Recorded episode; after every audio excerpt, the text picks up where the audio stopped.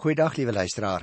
Die aankondiger het nou nou vir jou gesê ons gaan met mekaar vandag gesels oor die droom word waar.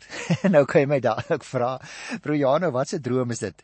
Dit is Nehemia se droom, naamlik die wyding of die voltooiing van die stadsmuur. Jy sal onthou hulle teruggekom uit uh, Babel wat deel was in die Persiese ryk op daardie stadium en hulle het onder baie moeilike omstandighede uiteindelik daar geslaag om binne 52 dae hierdie droom wat daar in hulle harte gelewe het te laat waar word. Nou natuurlik, dit was onder die bekwame leierskap van Nehemia want die Here het vir hom gebruik as 'n instrument in sy hand. En ek wil dadelik vir jou sê, liewe luisteraar, ek gaan net nou in die program na 'n ander leier ook verwys uh, wat net so charismaties was, maar wat Nehemia betref, hy was regtig ook 'n puikleier.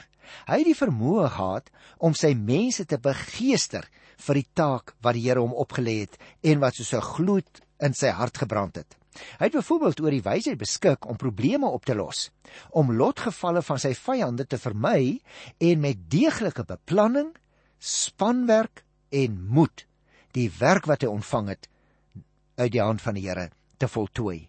Nou wil ons dadelik ook vir mekaar sê, dink ek as Christus gelowiges, om 'n leier in die kerk te wees, liewe luisteraar, beteken om te dien en die regte voorbeeld te stel deur jou geloof, jou harde werk en jou wysheid. Jy weet, ons wil almal van tyd tot tyd hier en daar 'n bietjie leiding neem, maar ons is nie altyd bereid om die uitdagings en ook die teleurstellings wat soms daarmee saamhang te hanteer nie. Nou wil ek eers graag so 'n bietjie in die algemeen gesels met jou oor die voltooiing van hierdie muur. Ek gaan in Nehemia se 12de hoofstuk, die eerste klompie verse om die waarheid te sê, die 26 verse, gaan ek uitlaat want dit is een naam op die ander wat lang lyste bevat van priesters en leviete wat ook meegewerk het sodat hierdie taak afgehandel kon word. Maar dan kom ons hierso van die 27ste vers af waar dit handel oor die inwyding van die muur. En dit is waaroor ek graag so 'n bietjie met jou eers in die algemeen wil gesels. Jy sien, net soos die naamlyste wat ons verlede keer oor gepraat het en ek het dit nie behandel nie, uh teruggegryp het na die tyd van Siribabel, wys die inwyding van die muur ook weer so 'n slaggie terug na die seremonie toe die fondamente van die tempel in Siribabel se tyd gelê is. En baie interessant, by albei geleenthede was 'n groot blydskap en kon die gejubel in Jerusalem, so vertel die Bybel, van ver af gehoor word. Gaan kyk gerus in Esdra by die 3de hoofstuk en ook hier in die boek Nehemia hoofstuk 12 by vers 43. Daar is daardie dag staan hier baie offers gebring. Die mense was bly God het hulle groot blydskap gegee. Ook die vrouens en die kinders was bly. Jy kon die blydskap van Jerusalem ver hoor. So jy sien, die feit dat die droom waar geword het met die voltooiing van die muur, het vir hulle werklik baie baie groot vreugde gegee. Maar ook met die inwyding van die tempel en die daaropvolgende viering van die Paasfees is daar opvallende ooreenkomste in die beskrywing van Nehemia en Esdra as jy sou wou gaan kyk in Esdra 6 daar van die 15de vers af. Byvoorbeeld, die muur word ingewy net soos die tempel destyds ingewy is. Hier word dus offers gebring soos daar by die tempel ook offers gebring is. Daar is in albei geleenthede groot vreugde. Altwee kere ook vind daar seremonieele reiniging plaas van die bouwerk en ook van die terrein. By die Paasfees het net die priesters en die leviete hulle vir God gereinig. Hierdie keer toe die muur nou voltooi is, reinig die priesters en die leviete nie net hulle self nie, maar hulle reinig ook die hele volk en selfs ook die poorte en die muur van die stad. Daarom het ek nou net vir jou gesê die hele terrein word gereinig en daarmee saam natuurlik ook aan die Here gewy. En luisteraar, die implikasie van hierdie ooreenkomste en uitbreiding van die reiniging is dat die hele stad met al sy inwoners nou as een groot tempel beskou word. Met ander woorde, dit het nie in die eerste plek oor die gebou gegaan nie, maar dit het gegaan oor die mense wat vir die Here afgesonder was en wat hulle nou gereinig het en hulle was dus die eintlike tempel van die Here in daardie omgewing. En dis 'n geweldige groot ruimte wat die Here dus gee Met ander woorde, die Here woon nie destyds nie en vandag ook nog nie. Woon die Here nie in 'n gebou waarin hy as dit ware ingeperk is, soos wat die Kanaaniete met hulle gode Baal en Asherah gedoen het nie. Die Here is alomteenwoordig en deur jou en my word die getuienis aangaande wie die Here is natuurlik teenoor alle mense met wie ons in aanraking kom deurgedra. As 'n mens dus nou sou kyk na die volgende klompie verse hier van vers 27 af, dan sou ek eers 'n inleidende opmerkingie net wil maak en dan gaan ek meer daaroor gesels. Want jy gaan sien hier van vers 27 af, die kronikus het hierdie perikoop uit die Nehemia geskrif oorgeneem en dit gedeeltelik verwerk. Die kronikus bied dit nou aan as 'n parallel tot die inwyding van die tempel wat reeds in Esra by die 6ste hoofstuk beskrywe is. Luister byvoorbeeld na vers 27. Met die oog op die inwyding van die muur om Jerusalem, is die Lewiete oral in hulle woonplekke opgespoor en na Jerusalem toegebring. Hulle moes die inwyding feestelik vier met lofliedere en met die musiek van simbale en harpe en liere. Is interessant. Die voltooiing van die tempel is tydens die inwyding gevier. Net so word die voltooiing van die stadsmuur nou ook met die inwyding daarvan vreugdevol gevier. En vir die doel, lees ons, is alle leviete opgespoor in die stede van Juda en natuurlik ook die stede van Benjamin. En nou is hulle na Jerusalem toe gebring ten einde die inwyding staan daar feestelik met lofliedere te vier want jy moet onthou die leviete het in hierdie verband natuurlik 'n baie belangrike rol gespeel. En met die sing van die lofliedere word die Here dan gedank vir sy verlossing en vir sy groot dade en natuurlik ook vir die voltooiing van die werk aan die muur van ou Jerusalem wat nou herstel is. Die sangers lees ons is begelei met die musiek van simbale en harpe en liere. Tussen hakies Dis interessant om 'n gedagte te hou die harp het 10 snare gehad. Vandag se harp het baie meer snare, maar die harp het in daardie tyd 10 snare gehad en die lier het maar net 3 tot 5 snare gehad. Kom ek lees vers 28 en 29. Die sangers is bymekaar gebring uit die omgewing van Jerusalem, uit die Netofenator settings, uit Bet Gilgal en uit die boerderygebiede van Geba en Bet Asmavet. Die sangers se nedersettings was almal om Jerusalem gebou. Die sangers, luisteraar, was ook leviete en hulle het gewoon, so staan daar, in die omgewing van Jerusalem.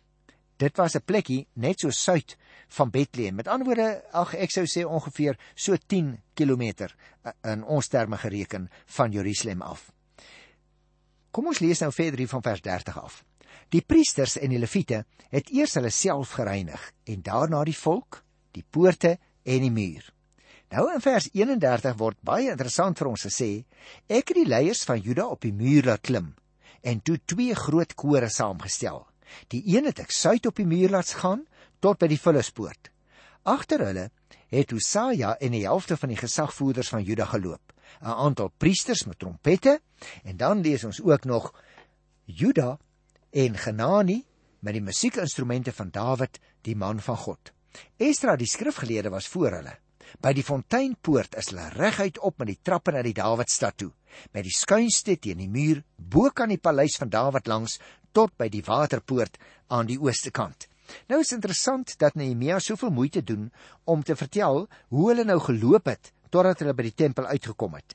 En die interessante ding wat 'n mens hier opmerk luisteraars, is dat daar eintlik twee verskillende prosessies is. Die twee prosessies begin by die Dalpoort in die suidweste van die stad. Die eerste groep, lees ons, bestaan uit 'n koor. En dan staan daar die helfte van die leiers van Juda en 'n aantal priesters beweeg linksom, met ander woorde in die rigting van wat genoem word die Vullispoort. Interessant ook om te sien 'n hele aantal trompetblasers uit die geslag van Asaf, dit wil sê Lewiete, het die prosesie vergesel. Dan word daar 'n stelling gemaak. Het jy dit gehoor? Esra, die skrifgeleerde, was voor hulle. Het ons in vers 36 gelees. Nou dis waarskynlik 'n invoeging deur die kronikus wat uiteindelik ook die Nehemia boek geredigeer het. sodat ons hom in sy gestalte of voorkoms wat hy vandag het en op ons tafel lê die Bybel uh gefinaliseer het. Nou hierdie groep beweeg dan lees ons van die Vullispoort af na die Fonteinpoort toe en dan met die trappe op na die Dawidstad. Nou luister hieruit kan ons 'n belangrike afleiding maak, naamlik dat Nehemia die oostelike muur na die kruin van die heuwel waarop die stad van Dawid gelê het, verskuif het. Daarom het ek in 'n vorige program vir jou gesê die stad was nie presies so groot soos wat hy was voor die val van Jerusalem in 586 voor Christus nie. Die mure is herstel, maar daarmee is sommige van die mure as dit ware inwaarts geskuif. So die stad het self in oppervlak so bietjie kleiner geword. En uiteindelik het ons gelees, kom die prosesie by die waterpoort. Nou die waterpoort was in die suidoostelike hoek van die tempelkompleks tot stilstand. Kom ek lees nou vers 38 en 39. Die ander koor het noord geloop. Ek en die ander helfte van die mense het gevolg al met die muur langs oor die bakoond toring tot by die breë muur, oor die Efraimspoort, die ou poort, die vispoort, die Gananel toring, die toring van 100 tot by die skaappoort.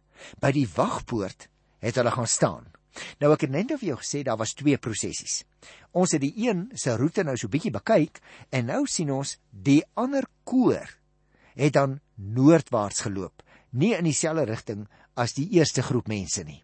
Nou die ander koor soos dit hier genoem word en die ander helfte staan hier van die gesagvoerders van Juda beweeg nou regsom.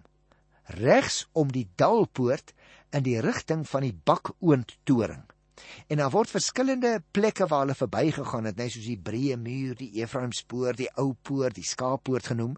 En ons weet nie presies waar al daardie mure was nie tussen hakies die van julle uh, luisteraars wat al Israel besoek het, het miskien ook die skaappoort gesien. Hy gaan daar so uit 'n nou straatjie in en hy het destyds na die tempelterrein gegaan en hier lees ons nou ook van die skaappoort.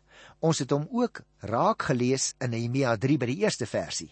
Nou, hoekom sou dit die skaappoort genoem wees?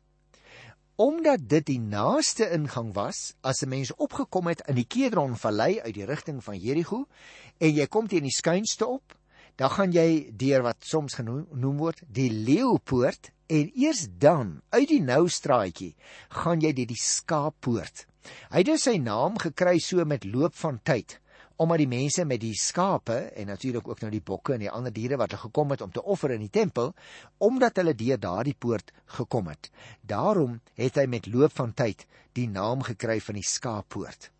Nou vers 40 tot 42. Die twee kore het daarna in die tempelplek ingeneem en ook die helfte van die amptdraers saam met my. Die kore het gesing onder leiding van 'n man met die naam van Jesragja. Nou moet jy oplet. Die twee kore het daarna eers die voorhof van die tempel binne gegaan. Met ander woorde, hulle het gewag dat al twee prosessies aankom by die tempel en eers toe het hulle ingegaan saam met Nehemia en die helfte van die gesagvoerders. Nou miskien was dit die wat saam met die eerste prosesie beweeg het. Dan staan daar die priesters en die trompette geblaas. En op die dag, vertel vers 43 vir ons, is baie offers gebring omdat daar groot vreugde geheers het. En weer eens luisteraar word benadruk dat God die gewer is van die blydskap.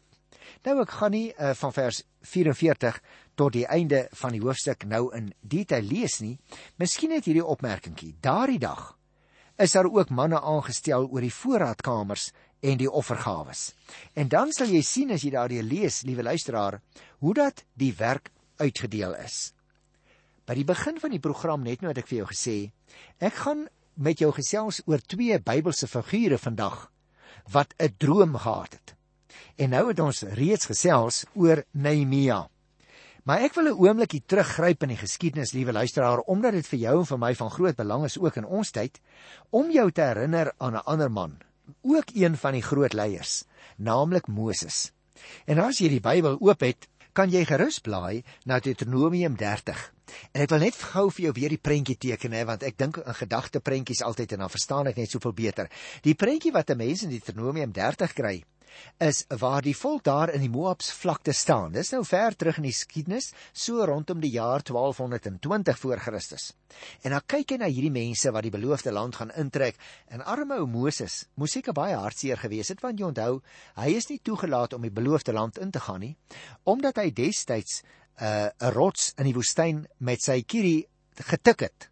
Geslaan het sê party van die vertalings toe die Here gesê het hy moet met die rots praat sodat daar kan water uitkom. Nou nietemin, op hierdie stadium, dit is ongeveer 40 jaar later, is hulle daar by die vooraand om in te gaan in die beloofde land. Ek stel my voor as ek nou die prentjie mag teken en ek dink is redelik korrek luisteraars. Moses het na sy mense gekyk. Hy het na hulle verkneukelde hande gekyk, want vir 'n klomp jare het hulle tentpenne ingeslaan en dit uitgetrek. Hulle het die tente opgerol wat nie sulke sagte materiaal was as wat jy en ek in ons tyd ken nie want sommige dele van daardie tente uh, was natuurlik gemaak van diervelle. En hulle het dit ontelbare kere opgerol, op hulle skouers gesit en as die wolk beweeg het, dan het hulle dit gedra tot by die volgende staanplek, weer die tentpenne ingeslaan, weer al die velle oopgerol, hulle tente gemaak en daar staanplek gehou totdat hulle verder moes trek. En as Moses na hierdie mense kyk, liewe luisteraar, dan kan ek my voorstel hoe dat hy die diep fore wat die woestynwinde van 'n paar dekades op hulle wange getrek het, diep fore in hulle gesigte gelaat het. Hoe dit hy daarna gekyk het en vir hulle jammer gevoel het. In hulle oë gekyk het en hulle is moeg. En dan praat hierdie man wat 'n droom in sy hart het, hierdie Moses, naamlik dat sy mense die land wat die Here hulle beloof het mag beerwe en mag ingaan dan begin hierdie droom in Moses se hart brand, net soos wat die droom in Nehemia se hart gebrand het om die stadsmure te kan voltooi. En dan gaan staan hy voor hulle en dan noem hy vir hulle twee moontlikhede in Deuteronomium 30, daar by die 15de vers. Hy sê: "Ek het vandag die lewe en die voorspoed, die dood en die teenspoed aan julle voorgehou. As jy die Here jou God liefhet en sy wil doen deur sy gebooie, sy voorskrifte en sy bepalinge wat ek jou vandag gegee het te gehoorsaam, sal jy lewe en baie word en sal die Here jou God voorspoedig maak in die land wat jy in besit gaan neem. Nou ek sou dit in moderne terme, liewe luisteraar, noem die high road. Die moeiliker pad. Want daar gaan uitdagings wees en daar gaan moeilikheid wees en daar gaan teenstand wees, maar dit is die een kant van die droom wat hy aan hulle voorhou. Maar En dit is nou wat ons in ons tyd sou kon noem the low road. Hy sê maar ek verkondig vandag ook aan julle. As jy van die Here af wegdraai en hom nie gehoorsaam nie en as jy jou laat verlei om ander gode te vereer en te dien, sal julle almal omkom. Julle sal nie lank bly woon in die land wat jy in besit gaan neem sodra jy deur die Jordaan getrek het nie. Wat gebeur dus in hierdie situasie? Die ou man Moses wat die droom in sy hart dra, wat hulle daarmee geïnspireer het en nou so bietjie onseker is wil dit my lyk of hulle nog dieselfde entoesiasme het. Hy gaan staan byna vir ou laas want kort hierna sou hy sterwe. Gaan staan hy voor sy mense. Hy hou aan hulle twee werklikhede voor. Die een is die werklikheid van ons gaan die Here dien. Ons gaan die uitdagings aanvaar.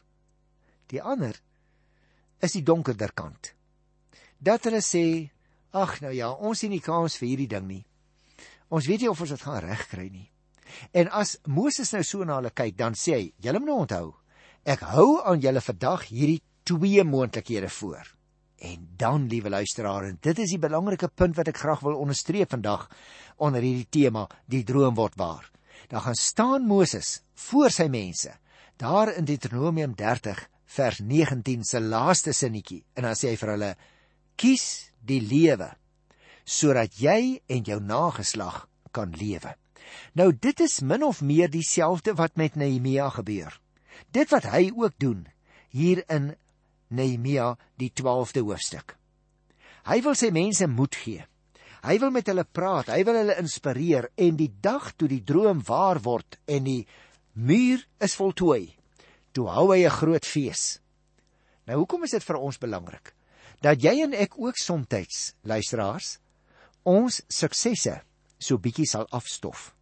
Dat ons ook sal terugkyk in ons eie geestelike lewe en daardie baken oomblikke in ons lewe in herinnering sal roep, net soos wat Nehemia hier doen. Hy sê dink aan die harde werk. Dink hoe jy geswoeg het. Dink aan die ouens wat ons van buite teëgestaan het en van binne ons eie groep ook teengestaan het. Ek het met julle daaroor gepraat, liewe luisteraars. Net soos Moses doen. Hy sê ek kon ek herinner julle aan twee moontlikhede, maar nou moet julle persoonlike verantwoordelikheid aanvaar. Kies dan nou vir julle vandag die pad wat julle wil loop. En daarmee wil ek vir jou sê, liewe luisteraar, die Here Jesus het dit ook gedoen. Hy het in die Openbaring boek laat vir ons laat aanteken dat ons ook 'n droom het waarheen ons op pad is. As jy Openbaring 21 sou lees by die eerste versie en ek gaan sommer vers 2 ook lees, dan sal jy sien daar staan dat Johannes sê en dis die Openbaring van Jesus Christus, so begin die boek Openbaring, maar nou staan daar Toe het ek 'n nuwe hemel en 'n nuwe aarde gesien. Die eerste hemel en die eerste aarde het verdwyn en die see het nie langer bestaan nie. en ek het die heilige stad, die nuwe Jerusalem, van God af uit die hemel sien afkom. Luister nou mooi. Die stad was gereed soos 'n bruid wat vir haar man versier is. Met ander woorde, die droom van die Here Jesus Christus van 'n nuwe aarde van die nuwe stad Jerusalem wat soos 'n bruid versier is en wat neerdaal op die nuwe herstelde aarde. Dit is ook die droom waarheen jy en ek op pad is. En daarom wil ek vandag se program afsluit met hierdie gedagte van 'n droom. Ons sien dit by Moses. Ons sien dit by Nehemia. Ons sien dit by Johannes in die boek Openbaring. Maar weet jy wat? Ons sien dit ook in Petrus se brief. As jy sou lees in 2 Petrus by die 3de hoofstuk van vers 12 tot by vers 14, dan staan daar hierdie wonderlike ding. Aangesien al hierdie dinge so aan hulle einde gaan kom, moet julle des te meer vroom en aan God toegewyd lewe. En luister nou vers 12. Leef in verwagting dat die dag van God kom en beywer julle daarvoor. Die dag waarop die hemel in vlamme sal vergaan en die hemelliggame sal brand, maar ons leef in die verwagting van 'n nuwe hemel en 'n nuwe aarde wat God beloof het en waar die wil van God sal heers. Liewe luisteraar, ek ken nie jou omstandighede natuurlik nie. Dalk is jy siek. Dalk is jy moedeloos. Dalk is jy uitsigloos. Dalk weet jy nie waarheen jou pad lei nie. Dan wil ek vir jou as 'n Christus gelowige ook 'n droom vandag voorhou. Net soos Moses met sy mense gemaak het en Nehemia met sy mense gemaak het, soos Johannes vir ons geskryf het en soos Petrus sy mense oproep. Daar wag 'n groot toekoms. Nie net in hierdie lewe nie, want ons is mos nou reeds kinders van die Here, maar daar wag ook 'n groot toekoms. Wat? Die nuwe aarde wat herstel gaan word tot die paradystoestand wat dit oorspronklik was. En liewe luisteraar, dit is waarheen jy en ek as Christus gelowiges op pad is. Daarom kan daar 'n blink glans in ons oog wees. Daarom kan daar 'n lied in ons mond wees. Daarom kan ons 'n getuienis uit ons harte na buite kom sodat ander mense dit ook gaan hoor. Ons is mense met moed. Ons is hoopdraers. Ons is mense met 'n vaste bestemming. Ons is op pad na die nuwe aarde wat die Here Jesus Christus deur sy soenverdienste vir ons bestem het. En daarom luisteraar, al is my omstandighede uit, miskien nie vandag so lekker nie. Al is daar dinge wat vir my druk en my pla, goed waaroor ek wakker lê die donker nag, dan wil ek vir jou vandag herinner aan hierdie, wat sal ek dit noem? Aan hierdie nuwe werklikheid. Aan hierdie droom wat die Here vir ons gee, dat daar 'n groot toekoms vir ons wag. Maar wie wat? Petrus sê tog baie duidelik dat ons ons daarvoor moet beywer. Hy sê dat ons ons daarop moet toelê, net soos Paulus ook in een van sy briewe. Dit is nie 'n lewenstyl wat 'n Christen behoort te hê van passiwiteit nie, van net maar sit en hoop nie. Nee. Nee, na vandag, liewe luisteraar, kan jy en ek dit vernuwing onthou. Ons is mense met 'n droom en ons werk mee aan die waarword van daardie droom totdat dit finaal aanbreek op die dag van die wederkoms. Leef jou droom. Getuig vir die Here. Wees 'n positiewe mens elke dag. Ek groet jou in die wonderlike naam van die Here. Tot volgende keer. Tot dan. Totsiens.